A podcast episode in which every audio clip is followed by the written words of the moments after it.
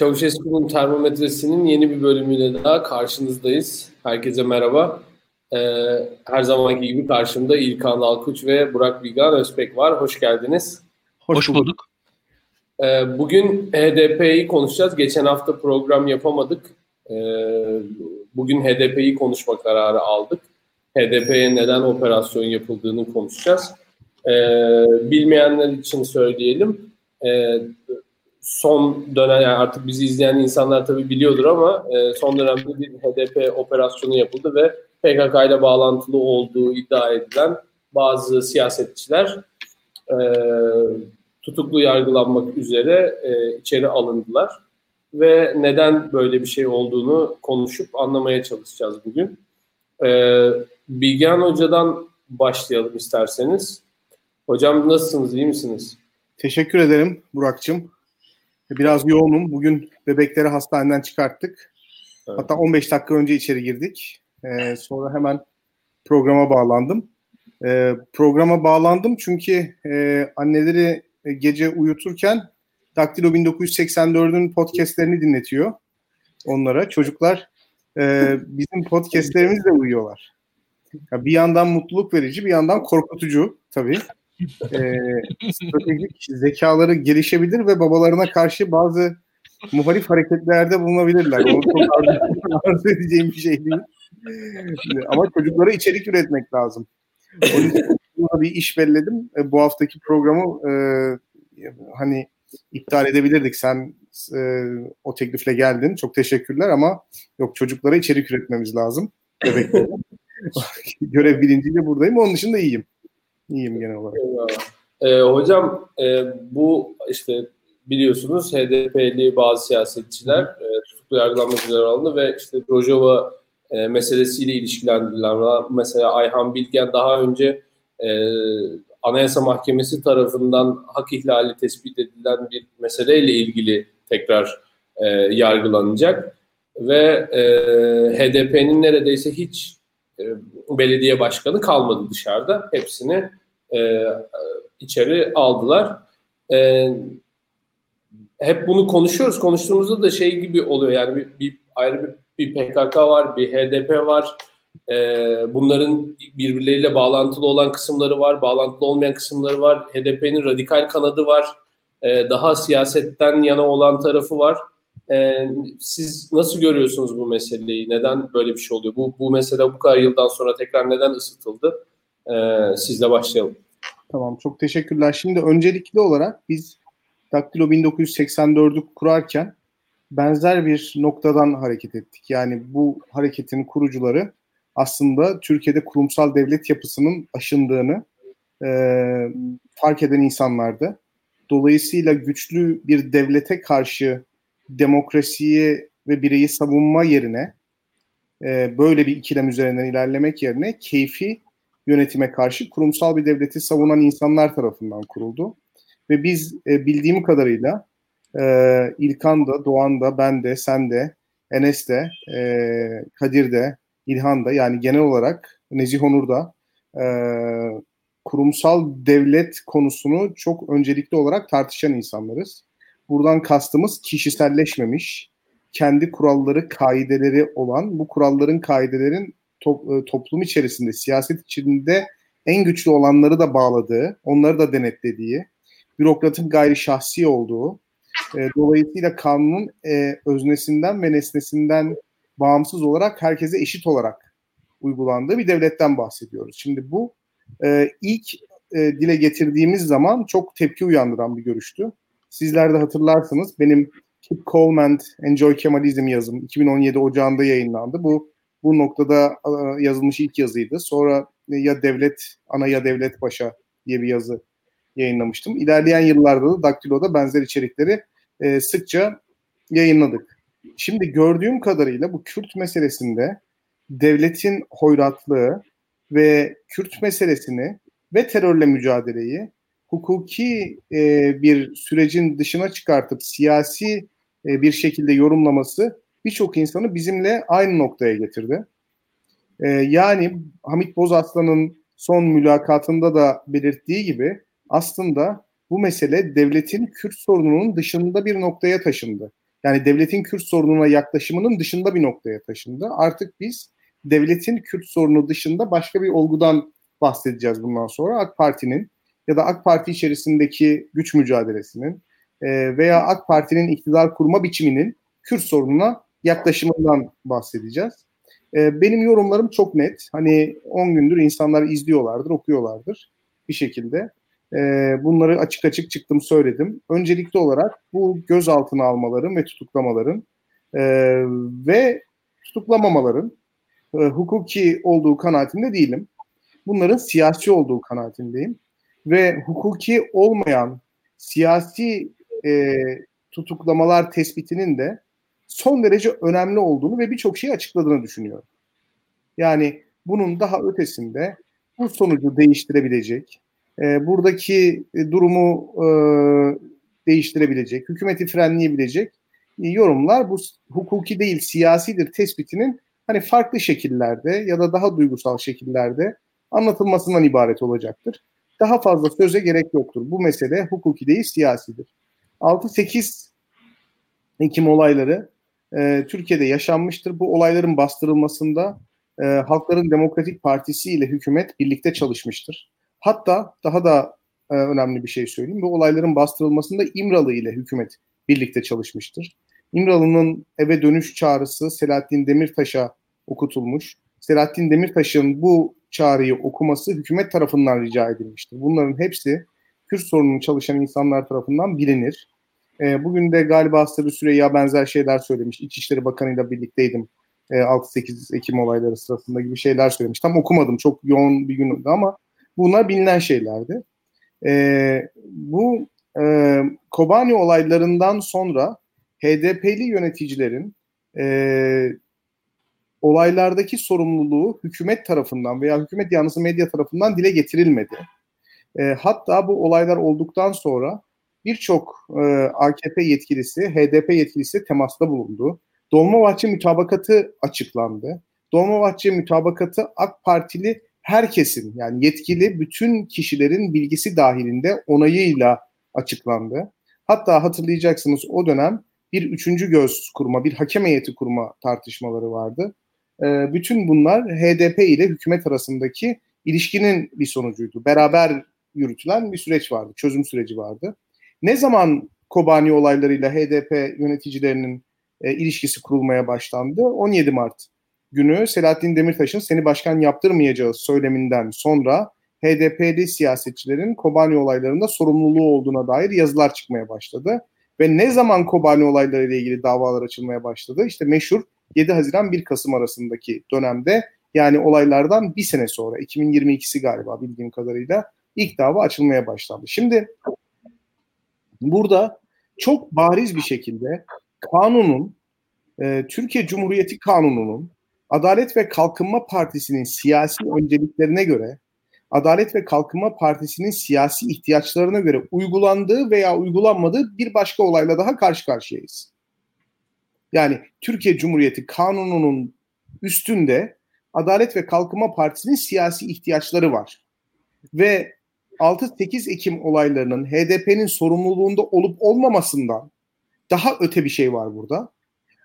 Adalet ve Kalkınma Partisi'nin siyasi ihtiyaçları eğer uygun görüyorsa bu olaylarda HDP'nin sorumluluğu var. Uygun görmüyorsa bu olaylarda HDP'nin sorumluluğu yok. Bu bana sorarsanız Türkiye Cumhuriyeti Anayasası'nı değiştirmek için terör faaliyetinde bulunan işte gruplar var Türkiye'de. Biz bunları anayasayı değiştirmekle, anayasayı değiştirmeye teşebbüs etmekle yargılıyoruz. Anayasayı teşebbüs ettikleri için bu insanlar kriminal, bu gruplar kriminal gruplar. Fakat öte taraftan şunu da ortaya koymamız gerekiyor. Türkiye Cumhuriyeti yasalarını, Türkiye Cumhuriyeti'nin anayasasını, Türkiye Cumhuriyeti'nin anayasasına göre karar veren Anayasa Mahkemesi gibi kurumları değiştirmek, bunların kararlarını siyasi ihtiyaçlara göre yorumlamak da çok büyük bir suçtur. Çok büyük bir suçtur. Kobani'de ne olduğunu, HDP'nin sorumluluğunu, HDP'nin insanların e, hayatlarını kaybetmesi e, amacıyla mı bu açıklamayı yaptı? Yoksa farklı sahiplerle mi bu açıklamayı yaptı? Bence ciddi bir soruşturmayı hak eder. Ciddi bir soruşturmayı hak eder. O dönemin bütün ikili görüşmeleri, bütün temasları bana sorarsanız açığa çıkmalıdır. Kürt sorunu çalışan bir akademisyen olarak bunu son derece merakla beklemekteyim. Fakat bunların ötesinde bir siyaset bilimci de olarak benim dikkatimi çeken herhangi bir eylemin suç olarak kabul edilmesi için o eylemde bulunan grubun, aktörün, kişinin, siyasi partinin Adalet ve Kalkınma Partisi'nin siyasi ikbaline kast etmesi gerekiyor. Adalet ve Kalkınma Partisi'nin siyasi ikbaline kast edilmediği sürece kanunla belirtilse dahi herhangi bir eylem suç olarak kabul edilmiyor. Bu başlı başına bir kriz durumuna işaret eder. Böyle olunca da arkadaşlar asıl suç, tek suç, biricik suç Türkiye Cumhuriyeti'nde Adalet ve Kalkınma Partisi'ne muhalefet olarak kalıyor. Onun dışında hiçbir suç bu kadar büyük bir kabahat değil. Bu kadar büyük bir günah değil. Eğer Adalet ve Kalkınma Partisi'nin siyasi ikbaline kastetmiyorsanız o kadar da büyük suç işlemiş olmuyorsunuz. Asıl büyük günahtan kaçındığınız sürece diğer bütün günahlarınızı affeden bir tanrı var. Bir siyasal tanrı var burada. Şimdilik bu kadar. Ben adınız devam edecek sandım hocam. Yok. ya Şimdi... şöyle bir şey, e, çocuklar olunca biraz insan aniden bitiriyor. Farkına varmadan. ee, şey, e, İlkan'a geçmeden önce e, şunu söylemek istiyorum. Şimdi biz yeni Twitch meselesine yeni giriş yaptık. Artık bir Twitch kanalımız da var. Ee, ve oradan da bizi takip eden insanlar var. Abone olmalarını, e, olmayanların da Twitch kanalı varsa abone olmasını istiyoruz. Ve bugün diğer zamanlardan farklı olarak e, serbest kitaplardan kitap hediye edeceğiz. Bu Twitch kanalından e, yorum yapan arkadaşlardan iki tanesine e, ya Michael Sandel'ın Paranın Satın Alamayacağı Şeyler kitabını ya da Popper'ın Tarihselciliğin Sefaleti kitabını vereceğiz. E, ben Tarihselciliğin Sefaleti kitabını çok beğenmiştim. Hani bu Celal Şengör'ün e, bir programda anlattığı e, Hegel'in söylediği şeyler zırvadır meselesiyle e, Popper'ın ilgilendiği şey. Popper'dan aslında orada bahsediyordu. E, çok keyifli bir kitaptır. E, diğerini okumadım ama onun da çok iyi bir kitap olduğuna eminim. Sen de önemli bir e, hukukçu. E, bunu da e, ilginize sunayım. Evet İlkan. Ee, şey Burak e, şey Sandal'la e, Popper veriyoruz değil mi? Şimdi evet. bir daha ben tekrar edeyim üzerinden geçeyim. Ee, arkadaşlar tercihlerini de belirsinler. Hatta niye tercih ettiklerini falan yazsınlar. Ee, yorumları okuyoruz. Dediğim gibi bizim yorumları muhtaç bir yap- yapımız. Evet. Yayını izleyen arkadaşlar yayını paylaşırlarsa, beğenirlerse, yorum yaparlarsa yine çok memnun oluruz. Ee, bu kitap önerilerini, kitap e, dağıtma işini sevdim. Umarım devamı gelir. Ee, ben de kendi Gelecek, adıma katkıda bulunmak isterim. Ee, dolaylı da olsa. Selçuk e, bu desteğini e, devam ettirecek en azından bir süre öyle görünüyor. Önümüzdeki dönemlerde kitap e, hediye edeceğiz arkadaşlarımıza. E, bir de League of Legends oynamamız gerekecek üçümüz. e, bakalım. Twitch, Twitch yayını yapmak için bak. Nasıl oldu? Yani, bilmiyorum. Enteresan olacak herhalde. Ee, ee, bir, e, aradan sonra buyur abi İlkan e, asıl meselemize dönüyoruz. Ya şimdi asıl meselemiz hakikaten e, bu kadar e, eğlenceli neşeli değil. Türkiye'de Burak ciddi bir sıkıntı var. E, Türkiye'de bir, yani bir defa Bilgehan e, Burak, e, Burak Bilgehan'ın tüm dediklerine katılıyorum. Tüm dediklerine katılmamın üzerine birkaç şey daha söyleyeceğim. E, Burak Bilgehan'ın anlattıklarının ötesinde Türkiye'de şu an rejimin tanımlanması noktasında Kürt meselesi çok önemli bir rol almış durumda bence. Yani e, şöyle söyleyeyim iktidarın kaynağı şu an Kürt meselesi olmuş durumda Türkiye'de. Yani e, gü- güvenlik meselesi olmuş durumda ve iktidarın kaynaklarından biri haline gelmiştir. Bak nasıl kaynaklarından biri haline gelmiştir? Şöyle söyleyelim. Seçimi kazanmak Türkiye'de artık önemsiz bir hale giderek getirilmektedir Türkiye'de bakarsak. Yani Türkiye'de daha önce olmadığı şekilde seçim sonuçlarına karşı iktidarın, devletin bir e, umursamazlığı görünmüştür şu an yaşanan şey budur bir defa öyle söyleyeyim. Çünkü hani e, bir eylemler karşılığında olmuş bir hadise veyahut da e, yani Ayhan Bilgen üzerinden konuşalım. 2019 yılında seçildi. Şu an e, görevden alınıyor. Ayhan Bilgen'in yaptığı bir eylem, belediye başkanı olarak yaptığı bir eylem cezalandırılmıyor. Ayhan Bilgen'in e, şahsı, Ayhan Bilgen'in siyasal kimliği e, hani sebepsiz denebilecek bir şekilde 6 yıl öncesindeki bir davaya dayandırılarak ki hukuken tartışmalı bir şekilde cezalandırılıyor. Bu aslında bir defa seçim sonuçlarının e, nafileliğini anlatan bir hadisedir. Bir açıdan İstanbul seçimlerinin yenilenmesiyle aynı kategoriye koyarım ve bir açıdan şu tabii ki şu an Türkiye'de e, birçok e, akademisyen neden bahsediyor? E, hani seçimli otoriteryenlik. Yani şu an artık Fırat'ın doğusunda daha farklı bir noktaya çok geçmiş doğru, durumda. Çok doğru, çok doğru. Yani burada artık seçim niye yapılıyor sorusunun sorulması gerekecek bir yerdeyiz artık. Yani Türkiye madem böyle biz Fırat'ın doğusunda seçim yapmayalım. Yani evet. bugün mesela hani bir bölgesinde seçim yapılmayan ülkeler var dünyada. Bu ülkeleri ben söylersem üzülür insanlar. Açık konuşayım. Yani bu ülke oralar işgal edildiği zaman oralarda seçim yapılmaz. Yani bu burada e, şu an Türkiye kendisini e, bir şekilde sorgulamak durumundadır. Çünkü şöyle söyleyeyim. E, mevcut siyasal sistem e, olduğu gibi durduğu şekilde sürdürülebilir değildir. Çok basitçe. Yani mevcut siyasal sistem bugün için böyle gider ama şöyle söyleyeyim. E, adım adım bir tehlike görüyorum. Yani e, yüzde yüzün yüzde elli biri değil de yüzde doksanın yüzde kırk altısını hedefleyen bir siyasal sistem görmekteyim ben şu anda. Tabii. Bu sistem giderek onu hissettiriyor bana. Yani e, artık yüzde yüzün yüzde elli biriyle meşruiyet değil de yüzde doksanın yüzde kırk altısıyla meşruiyet kazanmaya hedefleyen bir iktidar var benim gördüğüm kadarıyla karşımızda. E, açık konuşayım yüzde doksanın yüzde kırk altısı da zor bundan sonra. Yani e, ve o, o da artık sıkıntılı ve şöyle söyleyeyim yüzde doksanın yüzde kırk altısıyla kurulacak sistem e, kendi içinde zaten bunun zaaflarını taşır ve o yüzden sürekli e, kendisi krizle yaşamak zorundadır ve sürekli bir güvenlik meselesi olmak zorundadır. Öyle söyleyelim. Yani e, açıkçası olmasa da yaratılmak zorundadır bundan sonra ve bundan önce de böyleydi zaten. E, biz daha ağırın, daha sertini görüyoruz. E, daha iyileşir mi durum? Zannetmiyorum. E, Bilgehan anlattıklarında tabii e, nüanslar var. Onların ben altını çizeyim. Tutuklananlar, tutuklanmayanlar dikkat etmek lazım, bakmak lazım. Onun dışında e, şöyle söyleyelim e, özellikle siyaset yapma iddiasında olan insanlar ki mesela bize örnek verdi mesela Daktilo'ya örnek verdi çok doğru. E, biz de mesela burada bakın hani e, siyaset yorumluyoruz. Fiilen te- teknik siyasetçi değiliz ama yani siyasetin içindeyiz aslında yani baktığınız zaman. Bu popüler bir yani biz de yani bir açıdan siyasetin aktörü sayılırız. Yani, tabii minimal ama yani bu böyle bir şeydir. Yani şu Buradaki konuşmalarımız nedir aslında? Seçime sandığa inanmadır baktığınız zaman. Hani e, seçime sandığa inanan insanların önünün kesilmesi Türkiye açısından zaaftır, kayıptır. Seçimin sandığın sandığın önemine inanan insanların önünü kesi, önünün kesildiğini görüyorum ben. Bu e, daha önce Türkiye açısından Kürt meselesi hatta PKK terörü vesaire bağlamında bir çözüm sağlamamıştır. 25 yıl önce sağlamamıştır. E, 30 yıl önce sağlamamıştır.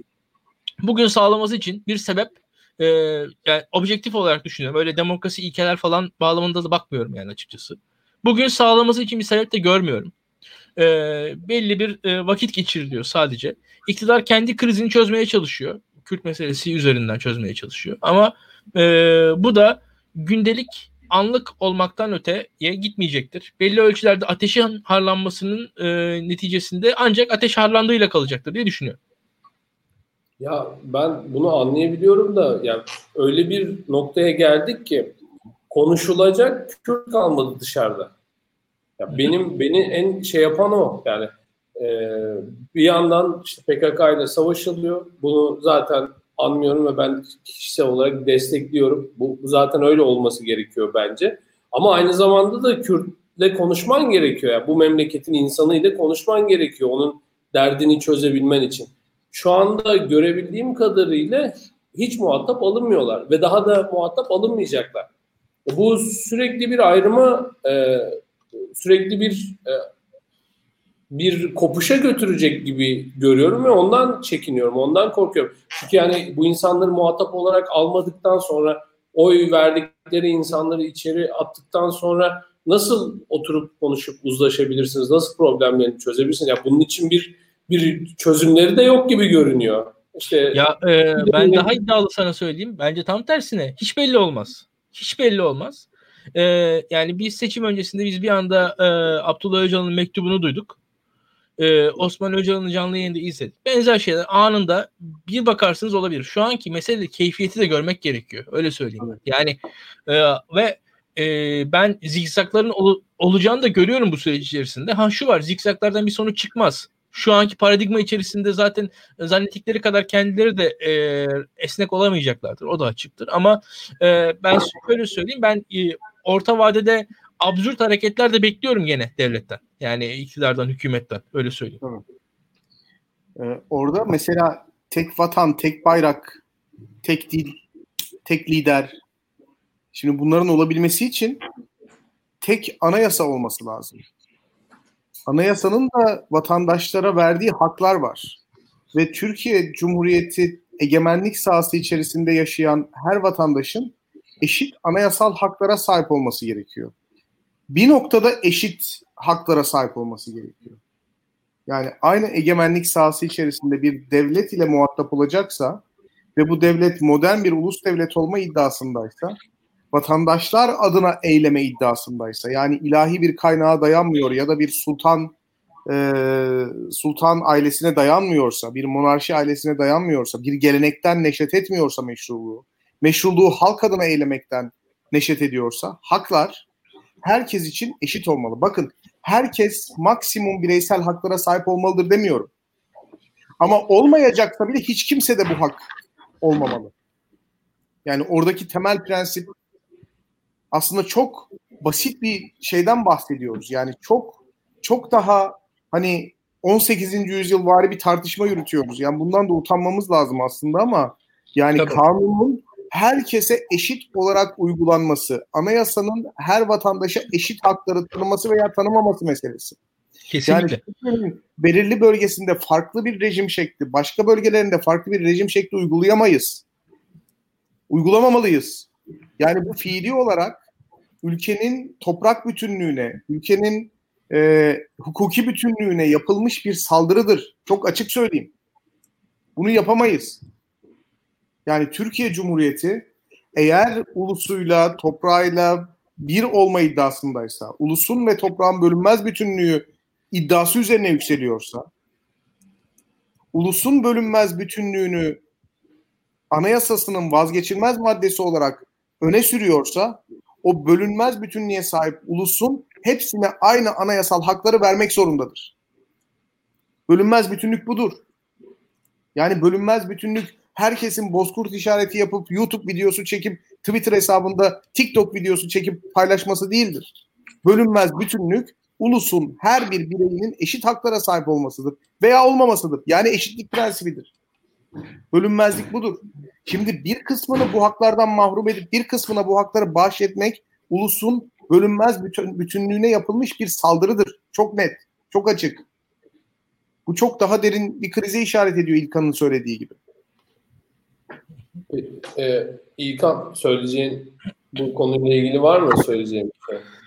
Yani e, ben dediğim gibi bu işin altında, arkasında, ardında e, bir uzun vadeli olarak e, yüzde yüzün yüzde elli birindense yüzde doksanı yüzde kırk altısını hedefleyen bir zihniyet olduğunu görüyorum.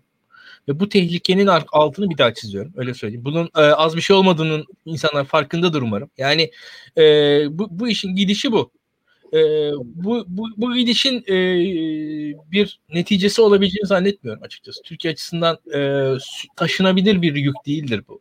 Yani bu kadar vatandaş burada. Yani bunun e, ne yapacaksınız? Yani kaç milyon insanı hapse atabilirsiniz bir noktadan sonra. Ve bir noktadan ya, sonra zaten e, neticede ya işte yani onun bu, sıkıntısı zaten e, bu, bu ilk krizi yerel seçimlerde 31 Mart'ta yaşadı yani iktidar baktığınız zaman. Yani İstanbul'da yaşadı.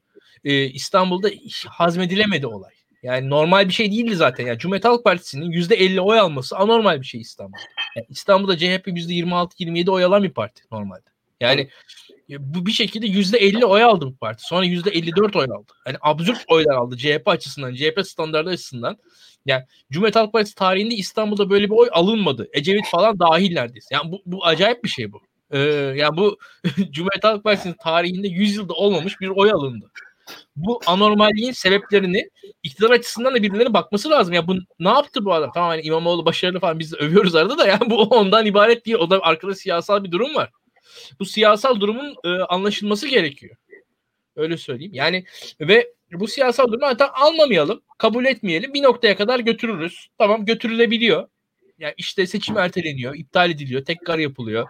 Şimdi işte belki işte gelecek seçimde e, bağıra çağıra e, ittir kaktır bir yere kadar gider mi? Bilmiyorum belki de gider ama yani hani şöyle söyleyeyim bu sürdürülür bir sistem değildir. Yani açıkçası. Ve e, bir e, anormalliği siz e, zorlayabilirsiniz. Güç vardır doğru. Hakikaten bir anormallik, bir absürt bir hareket. Yani bir toplumsal gerçeğin reddi bir noktaya kadar mümkündür. Türkiye tarihinde de vardı. Bir noktaya kadar reddedilmiştir, mümkün olmuştur ama yani bu kadar büyük bir gerçeklik bir noktadan sonra kendisini dayatır. Yani öyle dayatır böyle dayatır. Bilmiyorum nasıl dayatacağını. Yani e, ve bundan sonra da bunu yıllar boyunca bastıranların da e, daha çok istemediği sonuçlar buradan çıkar. Yani basitçe söyleyelim. Yani Türkiye'de mesela e, birçok yasak oldu. E, bu yasaklar e, çok ciddi bir şekilde uygulandı. O yasakların sonuçlarında 10 yıl sonra 20 yıl sonra gelinen noktalardan o yasakları uygulayanlar e, memnun oldular mı memnun kaldılar mı hiç sanmıyorum. Birçok yasağın sonucunda kısa vadeli başarılar uzun vadeli yenilgilere ve daha ağır yenilgilere sonuç e, sebebiyet verdi. Ya bugün e, bakalım yani Kürt meselesi bağlamında da e, neticede şu ne yapacaksınız? Yani burada %10 seçmen var. Yani bu %10 seçmen gidip muhalefete topluca oy verdiği zaman daha da büyük bir yenilgi anlamına gelecek. Yani orada da bir çıkış yok.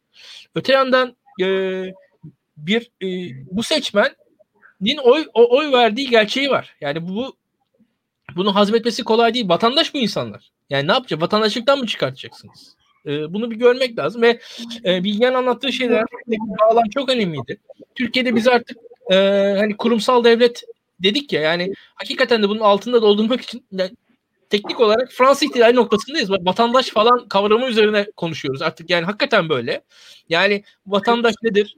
Vatandaşlık ba- bağı nedir? Yani Türkiye Cumhuriyeti vatandaşlığı bağlamında artık ya hakikaten ben hani e, kimlik falan konuşmayı ben tamamen bırakmış durumdayım. Yani e, kimlik öyle e, grup hakları vesaire Türkiye açısından şu an tartışmamız lüks. Türkiye açısından şu an tartışılacak şey vatandaşlıktır. Vatandaşlık bağıdır. Vatandaşlık üzerinden e, Bilgen anlattığı gibi anayasadır, hukuktur. E, bu, bunun üzerinden devam ederek kurumsal devlettir. Yani Türkiye açısından şu an tartışılacak alan budur. E, bu, bugün için e, açık konuşayım. E, grup hakları vesaire ne yazık ki e, daha e, lüks tartışmalar durumundadır. Şu an o noktaya gelmiştir Türkiye. E, ve hukukun işlediği bir yerde sonrasında biz otururuz tartışırız hakikaten. E, işte ana dilde eğitim nedir ne değildir ne, nerede yapılması gerekir işte bazı der ya işte Zazıcı olmalı öbürü der işte şu dilde olmalı hani ben Barcelona'da işte Katalanca eğitim şöyle oldu böyle oldu hani bu, bu tartışmalar ayrıca yapılır işte ama e, absürt bir yerdeyiz yani ben e, açıkçası üzülüyorum Türkiye için. Şimdi bir şey söyleyeceğim. Mesela devlet okulları şu anda çok kötü durumda. Öyle değil mi? Yani özel okullaşma çok arttı. Benim mesela büyüdüğüm Türkiye'de evet. Anadolu Lisesi, Fen Lisesi gibi işler vardı ve insanlar oraya gitmek için çalışırlardı. Ee, buraya gidemeyenler süper liseye giderdi. İşte bu çocuklar üniversiteyi kazanırlardı. Gidilen üniversite de fena üniversiteler olmazdı. Yani böyle bir durum var. Şimdi e, mesela ve bu dönemde de hani tartışılan meseleler ana dilde eğitim, işte üniversitede Kürtçe bölümler, gibi şeyler tartışılırdı. Bu bir anlamı vardı bu bu meselenin aslında. Şu anda mesela Milli Eğitim Bakanlığı'nın e, yönetiminde olan okullar o kadar kötü ki yani Kürtçe eğitim verdiğiniz zaman Kürtçe kötü bir eğitim vereceksiniz. Ya bu Türkçe eğitim verdiğiniz zaman Türkçe kötü bir eğitim vereceksiniz. Şimdi yani ya, öyle bir şey var. Ee, bir izninle keseceğim. Ya, e, Süleyman Demirel'e işte e, Avrupalılar soruyorlar. E, Kürtlere çok kötü davranıyorsunuz diye. Demirel de cevap veriyor. Biz Türklere iyi mi davranıyoruz? tabii tabii tabii. Aynen, bunun gibi bir şey. Yani Türklere iyi mi davranıyoruz?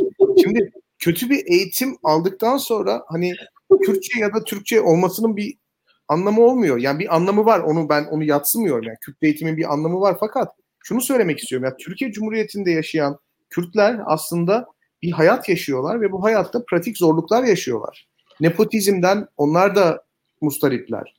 Milli eğitimin düşen eğitim kalitesinden onlar da mustaripler. Hayat pahalılığından onlar da acı çekiyorlar. Yani bu insanların hayatları boyunca tek konuşmaları gereken konu Kürtlük ya da kimlik meseleleri değil.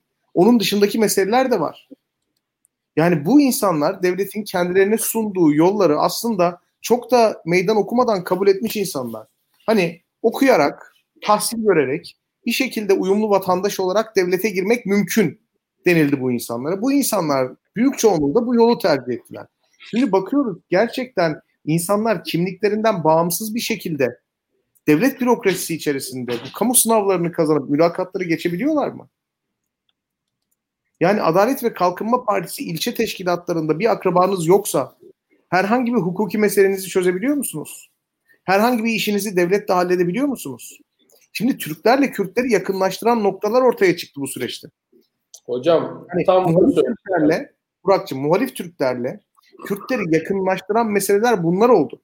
Aynı şeyleri ben de yaşıyorum. Sen de yaşıyorsun, İlkan da yaşıyor. Yani bizler aslında eğri oturup doğru konuşalım. Türkiye Cumhuriyeti'nin kimliksel olarak en makbul insanlarıyız. Tabii. Ya böyle.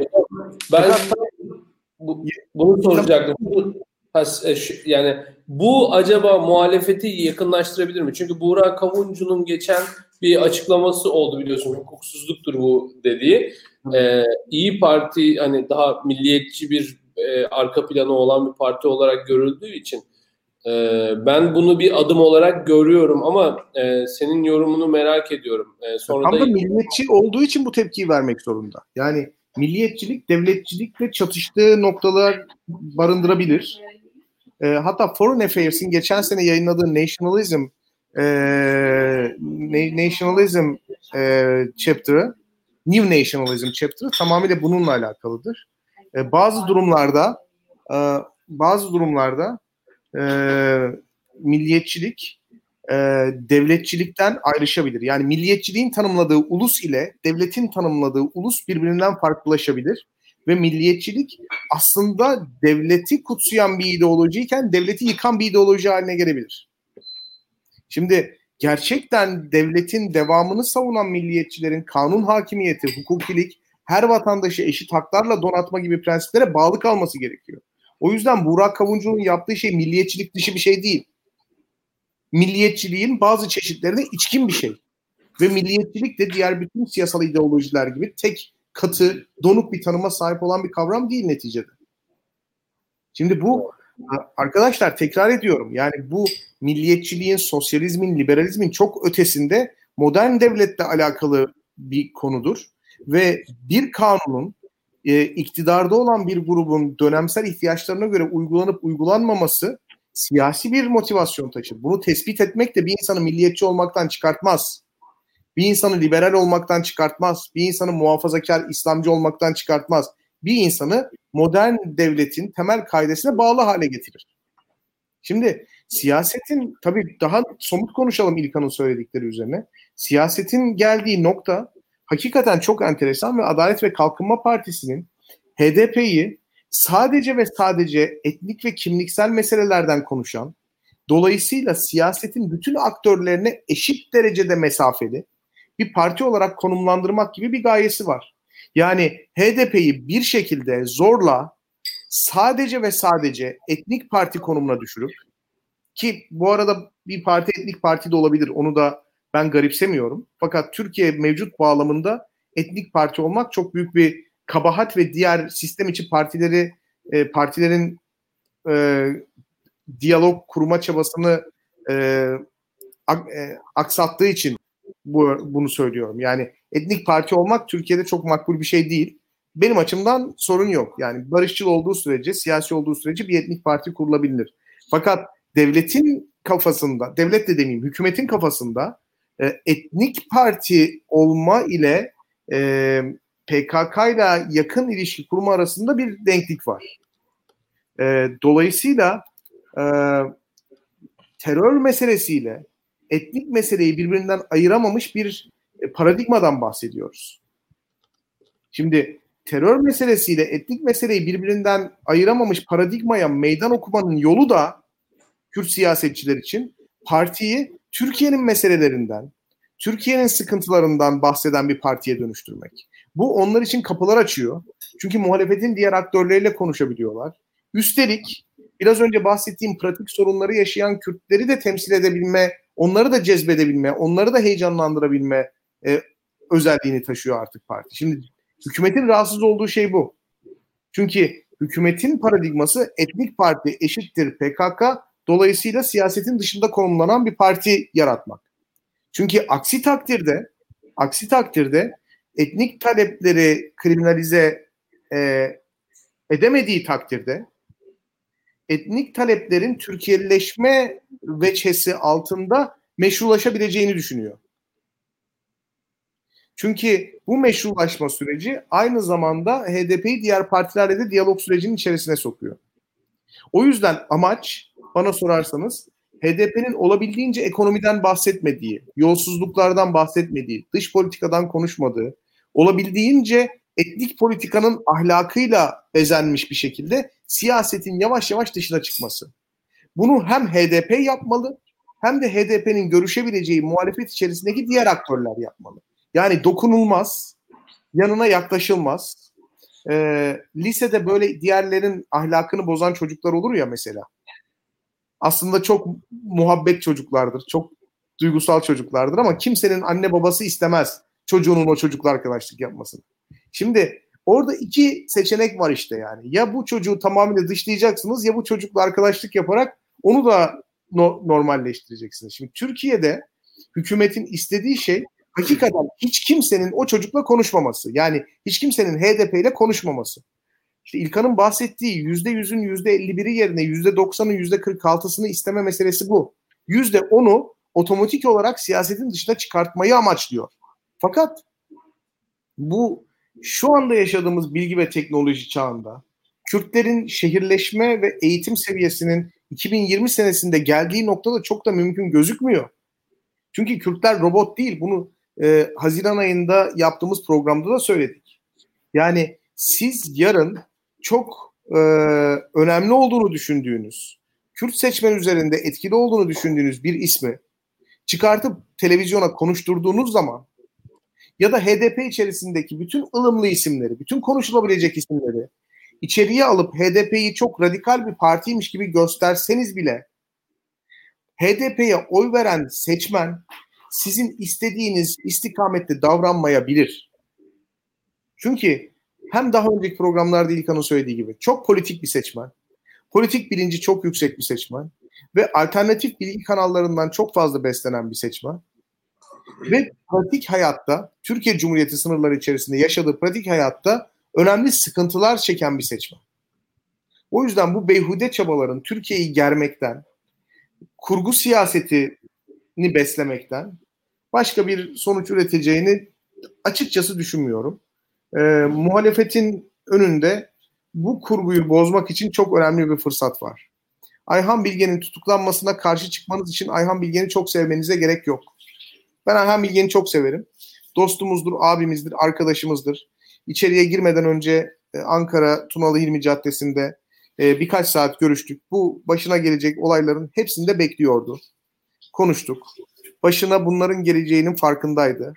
Çünkü kendisi gibi isimlerin HDP'den çıktığı takdirde HDP'nin kimliğinin hükümet tarafından şekillendirileceğini, kendisi gibi isimlerin HDP'deki varlığının hükümeti çok rahatsız ettiğini biliyordu. O yüzden ısrarla inadına HDP'de kalmaya, HDP'ye kendi rengini vermeye devam edeceğini bana söylemişti. E, bu bu yaşananları o biliyordu. Ben dolayısıyla Ayhan Bilgen'i severim. Fakat muhalefet partilerinin Ayhan Bilgen'i sevmesine de gerek yok. Eğer Kürt sorununda nihai olarak HDP'nin Türkiye siyasetinin legal bir parçası olması arzu ediliyorsa, Türkiye devletinin kanuni tutarlılığını muhafaza etmesi arzu ediliyorsa e, bu tutuklamalara karşı çıkılması gerekiyor. En azından tek bir kelime söylenmesi gerekiyor. Bu tutuklamalar siyasidir. İlkan sen girmek ister misin senin bununla ilgili ee, yorumun? Benim e, Bilgehan'ın son dediklerine ekleyecek çok fazla bir şeyim yok. Baştan aşağı katılıyorum. Evet. E, Ayhan Bilge'nin e, karakteri, Ayhan Bilge'nin siyasal pozisyonu aslında objektif olarak bakarsak HDP'nin e, yani HDP'nin bir ana kitlesi var diyelim. Hani HDP'nin o ana kitlesinin de esasında daha e, belki de sağında kalabilecek bir pozisyon. Ayhan Bilge'nin siyasal geçmişini bilenler biliyorlardır. Yani şu an e, bizi izleyenler ne kadar Ayhan Bilge'ni tanıyor bilmiyorum açıkçası. Ama aslında hani Ayhan Bilgen'le muhtemelen bir 10 yıl önce 20 yıl önce denk gelseler e, çok sevecekleri bir insandı Ayhan Bilgen onların. Öyle söyleyebilirim birçoğunu yani. Buradan e, buradan kızan insanların ve birçoğunun sempati duyacağı bir insandı. Ha, ama bütün bunların ötesinde e, şöyle söyleyeyim ben bugün tek sözüm var. Yani e, bu bu %90 %46 işini unutmayın. Türkiye sınavı ciddi tehlikedir. E, bu tehlike yakın bir, bir, bir tehlikedir bence. E, ve bunu planlayan insanlar olduğunu düşünüyorum ben. E, bu Ayhan Bilge'nin başına gelenlerin e, rastgele olduğunu düşünmüyorum. Yani şu olmaz bu olmaz diye düşünmemek lazım belli ki. Olabilir. Yani birçok şey olacaktır gibi geliyor bana. Yani e, HDP belki hemen kapatılmayacaktır ama kapatılmaya yakın hadiselerle karşılaşacaktır. Seçime girmesi zorlaşabilir. Ben YSK vesaire bağlamında bu Anayasa Mahkemesi'ne olan baskıların e, gerek Süleyman Soylu gerek Devlet Bahçeli tarafından tesadüfi olmadığını düşünüyorum. bunu düşünürsek aslında Anayasa Mahkemesi üzerinden bir e, bir, baskı stratejisi olduğunu düşünüyorum. Ben bunun bu to, to, topluca değerlendiriyorum öyle söyleyeyim Burak. Yani e, rastgele değil bunlar. E, ve bununla beraber yani hep denir ya e, işte hükümet işte gündem değiştirmeye çalışıyor. Yani gündem bu. Yani hükümet bunu yapıyor yani. Hani bir defa öyle gündem değiştirme falan bir çabası yok. Böyle bir hani şey gibi. Yani hükümet gider e, işte yani hani İçişleri Bakanı PlayStation oynar gündem değiştirme çabası dersiniz yani. Bu, bu odur yani. Bu normal eylemi hükümetin yani. Bu, buna, gündem değiştirme çabası falan denmemesi gerekiyor. Biraz da e, bu absürt e, muhalefet dilini eleştireyim. E, bunun dışında ben e, nispeten memnunum. Muhalif partilerin aldıkları en azından bir tavırlar var. Siyasi denmesi doğrudur. Yani muhaliflerin e, Bilge'nin dediği gibi HDP'li olmalarına gerek yok. HDP'yi sevmelerine gerek yok. Yani Türkiye'de vatandaşlık bazına savunmak gerekir. Öyle söyleyeyim. Bu vatandaşlık bazı önemlidir. Yani Türkiye Cumhuriyeti vatandaşlığı bazı önemlidir. Herkesin belli bir mahkeme hakkı vardır. Herkesin işte kimliği vardır. Belli yasalar önünde hakları vardır. Herkes yani atıyorum e, bugün yani e, mahkumların da hakları vardır. Suçluların da hakları vardır. E, sanıkların da hakları vardır. Türkiye'deki en iyilerin en kötülerin hepsinin hakları vardır. E, böyle bir sistemde yaşıyoruz. Bu sistemi savunmak gerekir diye düşünüyorum. E, ve bununla beraber aslında Türkiye'nin e, Kürt meselesinde e, işi giderek zorlaşıyor açık konuşayım. E, bugünlük e, bu baskı belli ölçülerde bir sonuç verse de e, bu yüzde on oy e, kolay bir oy değil. E, güçle bastırılabilir. Bir noktaya kadar da gider. Hani etkisi olmaz demiyorum ama e, uzun vadeli de sonuç alacağına inanmıyorum. Öyle söyleyeyim.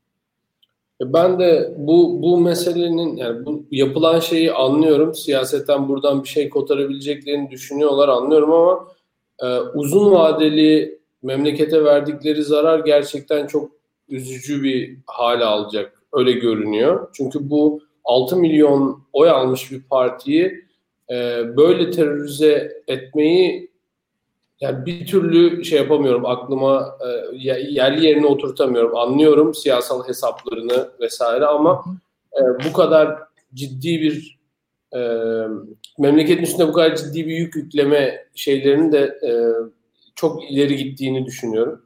E, umarım hani bir şekilde e, Kürtleri bu memleketten daha fazla soğutmadan Kürt siyasi hareketiyle e, daha konuşulabilir, uzlaşılabilir bir noktada e, görebiliriz devleti ve devleti yönetenleri. Yoksa bu iş iyiye gitmiyor gibi görünüyor şimdilik. Ee, 45 dakika olmuş. Çok uzatmayacağız dedik bugün. Birazcık e, hızlı bitireceğiz. Eğer son sözleriniz varsa buyurun ekleyin. Ee, yoksa son olarak bir şey söylemek istiyorum ben. Bu Buyurun tip hocam. eylemler hükümetin yanında veya karşısında olan e, radikal seslerin de daha yüksek sesle duyulmasını beraberinde getiriyor. E, mesela e, aslında normal normalde kendisini hükümetin karşısında konumlayan milliyetçi isimler bu tip tutuklama dalgalarından büyük heyecan ve coşku duyuyorlar. E, ve e, hani bizim gördüğümüz bu e, Sayın Cumhurbaşkanı'nın görev onayının yüksek çıkma meselesi aslında bu kazara muhalefete düşmüş insanlar sayesinde oluyor. Yani kazara muhalefet e, kavramı var. Bugün Özer Sencer kullandı bir görüşmemizde. E, yani aslında güvenlikle alakalı meselelerde tamamıyla e, Sayın Cumhurbaşkanı'nın arkasında duran bir kesim var.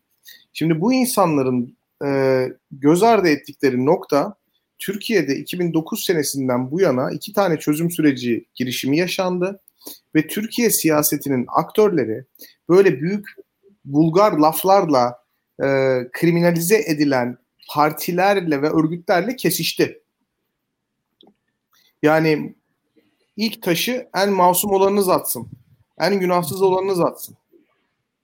Şimdi Türkiye Cumhuriyeti terör örgütü PKK ile bir müzakere süreci içerisine girdi. Anlatabiliyor muyum? Şimdi PKK eşittir HDP dediğiniz zaman HDP'yi kriminalize ediyorsunuz. Bu mantıkla şimdi bu cümleyi sarf ettiğimiz zaman şöyle arkadaşlar şöyle diyor. Biz onlara da karşıydık onlar da cezasını çeksin. Şimdi bu mantıkla HDP'yi siyasetin dışına atıyorsunuz. Çözüm sürecinin içerisine girdiği için AKP'yi siyasetin dışına atıyorsunuz. HDP ile ittifak yaptığı için, işbirliği yaptığı için CHP'yi de siyasetin dışına atıyorsunuz. Size bir şey söyleyeyim mi? Yerel seçimlerden önce Kürt halkı Öcalan'ı değil, Demirtaş'ı değil de Öcalan'ı dinlesin diyen partiyi de siyasetin dışına atıyorsunuz. Şimdi biraz daha zorluyorsunuz. Yerel seçimlerde işte e, aday çıkartmadığı için İyi Parti'yi de işbirliğine ortak gibi gösterip onu da siyasetin dışına atıyorsunuz. Ne olacak peki? Ne olacak? Nasıl yapacağız bu işi? Şimdi bir tarafta böyle işler var. Öteki tarafta da herhangi bir hükümet müdahalesinde yani hükümet ılımlı insanları hedef alıyor. Demokratik yollardan, rekabetçi yollardan, demokratik demeyelim de hükümetin değişebileceğine inanan bizim gibi insanların eli müthiş zayıflıyor. Bunu kabul edelim. Çünkü ılımlı insanlar alındığı zaman artık rekabetle, siyasetle, diyalogla, bir şekilde stratejiyle, zekayla, söylemle iktidarın değişmeyeceği insanlar tarafından kabul ediliyor. Büyük bir kötümserlik kaplıyor. Böyle bir atmosfer çöküyor ve bu atmosferler çok tehlikelidir. Yani devleti yönetmek biraz sorumluluk sağduyu ister. Biraz aklı başındalık ister, biraz aklı selim ister. Bu ülkeyi bir gram seven, bu ülkeye karşı birazcık sorumluluk duygusuna sahip kim varsa amacı herhangi bir siyasal meselenin olabildiğince meşru, olabildiğince normal, olabildiğince legal sınırlar içerisinde tartışılmasını ve çözümlenmesini sağlamaktır. Bunun dışındaki herhangi bir aktörü veya gündemi güçlendirecek eylemler, politikalar, söylemler gerçekten bu millet sevgisiyle, bu ülke sevgisiyle bağdaşan şeyler değildir. Bangır bangır sabahtan akşama kadar milliyetçiyim diye bağırsalar bile bu ülkeye çok büyük zarar veriyor bu insanlar. Son sözüm bu.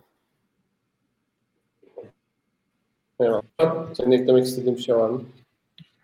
E, benim eklemek istediğim bir şey yok. E, haftaya ilginç bir konukla görüşeceğiz herhalde diye tahmin ediyorum. Bu gece evet, kadar. Şimdiden söylemiyoruz değil mi? Ee, kitap meselesini de unutmayın. Ee, bunu yapacağız.